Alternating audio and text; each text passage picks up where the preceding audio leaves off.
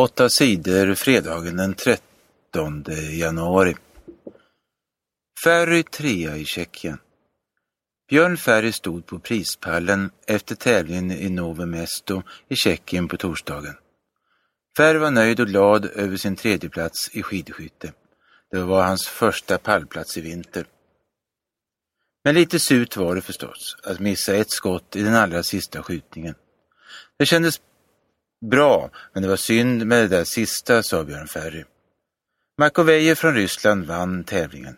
Emil Helge Svensson från Norge var tvåa.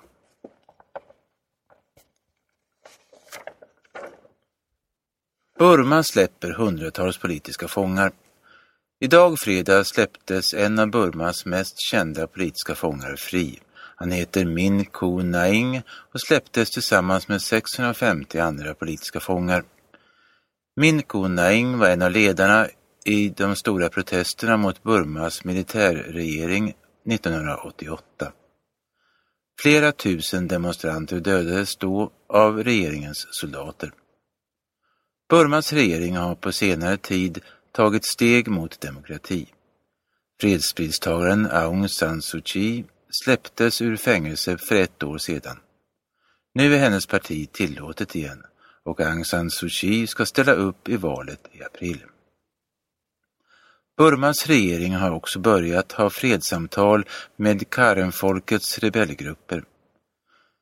Det har i 60 år varit strider mellan Karen-folket och regeringens soldater. Det här är andra gången på några månader som hundratals politiska fångar släpps. Burma är på väg mot demokrati nu, säger Aung San Suu Kyi. Åtta sidor TT. Gängledare dömdes till 60 års fängelse. Latin Kings är det största kriminella gatugänget i USA, tror experterna. Gänget sysslar med knarkhandel, utpressning och flera andra brott. Gänget har tiotusentals medlemmar. Nu har Latin Kings högste ledare dömts till fängelse.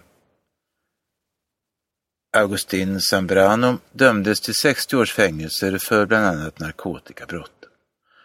Många är oroliga för att Zambrano ska fortsätta att styra sitt gäng inifrån fängelset. Åtta sidor TT.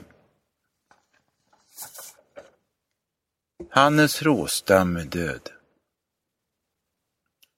Journalisten Hannes Råstam var en av Sveriges mest kända journalister.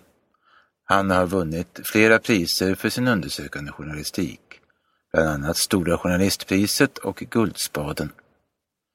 Råstam gjorde många av de mest betydelsefulla avsnitten av tv-programmet Uppdrag granskning. I våras berättade Hannes Råstam att han hade cancer. Under natten mellan onsdag och torsdag dog han. Han blev 56 år gammal. Löv vill gynna sparande. Centerledaren Annie Lööf vill att alla som sparar pengar ska få göra ett avdrag på skatten. De som får ränta från banken, utdelning på sina aktier eller fonder ska slippa en del av skatten genom ett avdrag. Men de andra partierna i regeringen är inte särskilt förtjusta i Lööfs förslag. Folkpartisten Carl B Hamilton tycker istället att skatten ska sänkas. Idag är skatten i Sverige 30 procent. Skatten borde sänkas så att den blir ungefär som i andra länder, säger Carl B Hamilton. Centerledaren håller inte med. Att sänka skatten på inkomster från sparande och aktier skulle gynna de rika mest.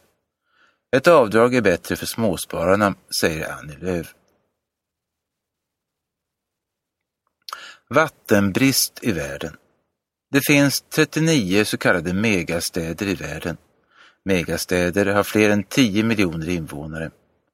År 2010 var det brist på rent vatten i nästan alla världens megastäder. Vattenbristen beror bland annat på att företag släpper ut smuts i vatten. Det är också för dyrt för de flesta länder att göra rent smutsigt vatten. Organisationen World Economic Forum jobbar för att storföretagen i världen ska tänka mer på miljön och människors hälsa.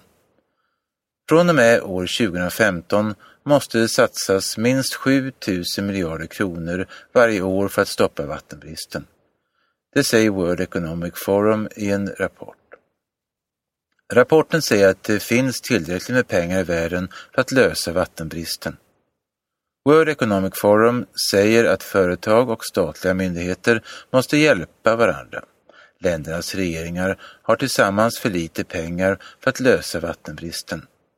Och företagen vill inte satsa pengar på detta eftersom de inte kan tjäna några pengar på att stoppa vattenbristen.